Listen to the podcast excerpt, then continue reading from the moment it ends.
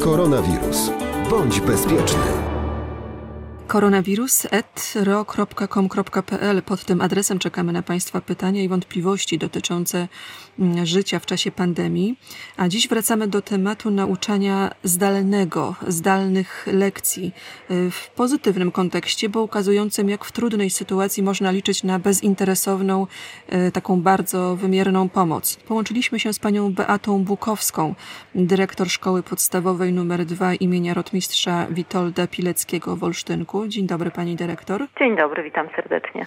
Od 25 marca szkoły mają obowiązek kształcenia na odległość. Y, gdy zapadła ta decyzja, jednym z wyzwań, jak się okazuje, wielu, wielu szkół w Polsce był dostęp do laptopów, do komputerów, wynikający z tego na przykład, że w domu jest dwoje, troje dzieci, jeszcze rodzic, który musi pracować z domu. Jak szkoła poradziła sobie z tym wyzwaniem? No, to był rzeczywiście ogromny problem i spędzał nam sens powiek, ale po pierwsze, rzeczywiście szybciutko poprosiliśmy, ażeby organ prowadzący wystąpił z wnioskiem o zakup y, laptopów y, dla dzieci, które będą musiały z nich korzystać i które później zostaną w szkole, więc jest to duży, duża korzyść dla szkoły. 14 laptopów dodatkowo, no ale to jeszcze czekamy na realizację tego. Natomiast my tak naprawdę podjęliśmy decyzję o tym, że wypożyczymy naszym uczniom te laptopy, które były w pracowni komputerowej, żeby mogły służyć dzieciom dzieciom. Trzech nauczycieli też wzięło do pracy takie urządzenia, żeby można było się komunikować z dziećmi.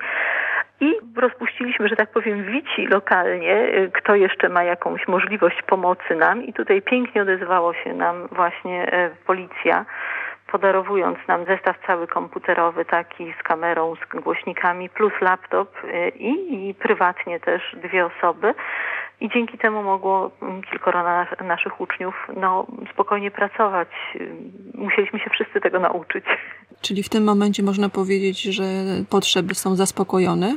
Nie w pełni, aczkolwiek część dzieci korzysta z telefonów y, i y, tam, gdzie jeszcze nie mogliśmy dotrzeć, mamy nawiązany kontakt telefonicznie, ewentualnie przez y, znajomych i w sposób pisemny są przekazywane zadania, ale to już są niewielkie, niewiele osób. Generalnie wszyscy szybko nauczyli się przerzucania informacji z komputera na telefon lub odwrotnie, przesyłania pracy. Najbardziej cieszy to, że dotarły komputery do tych dzieci, które y, nie miały tych komputerów, bo te podarowane komputery już zostaną w tych rodzinach. One już nie będą musiały wracać do szkoły, tak jak te, które zostały tylko wypożyczone. I z radością odnotowujemy to, że dzieci pracują na tych komputerach. Nawet pani z polskiego tutaj stwierdziła, że jedna z uczennic pracuje bardziej intensywnie i z wielkim zainteresowaniem niż nawet wtedy, kiedy chodziła do szkoły, więc są i plusy takiej zdalnej pracy. Od wtorku miały odbywać się egzaminy ósmoklasistów. No wiadomo, nie rozpoczęły się.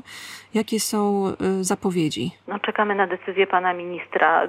To tylko domysły tutaj, czy ten egzamin się odbędzie rzeczywiście i będzie przesunięty, e, czy też y, jednak ministerstwo podejmie decyzję o tym, żeby y, z tego egzaminu, a zorganizować konkurs świadectw do szkół e, ponadpodstawowych, e, czy też zrobią wersję okrojonej. Nie, nie umiemy powiedzieć. Do nas, do dyrektorów jakby nie docierają takie informacje, to już jest decyzja pana ministra, będziemy się do niej dostosowywać, ale z tego co wiem, nauczyciele przygotowują młodzież tak, jakby te egzaminy miały nastąpić. No i obietnica pana ministra, że przynajmniej trzy tygodnie przed egzaminem młodzież o tym się dowie, więc liczymy, że no będzie ona dobra dla dzieciaków, ta decyzja. Uczę matematyki, więc wiem, że e, młodzież się przygotowuje, próbują rozwiązywać te zadania, próbują być na bieżąco ze wszystkim, choć to powinno być już na dziś, że tak powiem, gotowe, ale jednak e, myślą o tym, że te egzaminy będą im potrzebne, chociażby w wyborze tych najlepszych szkół.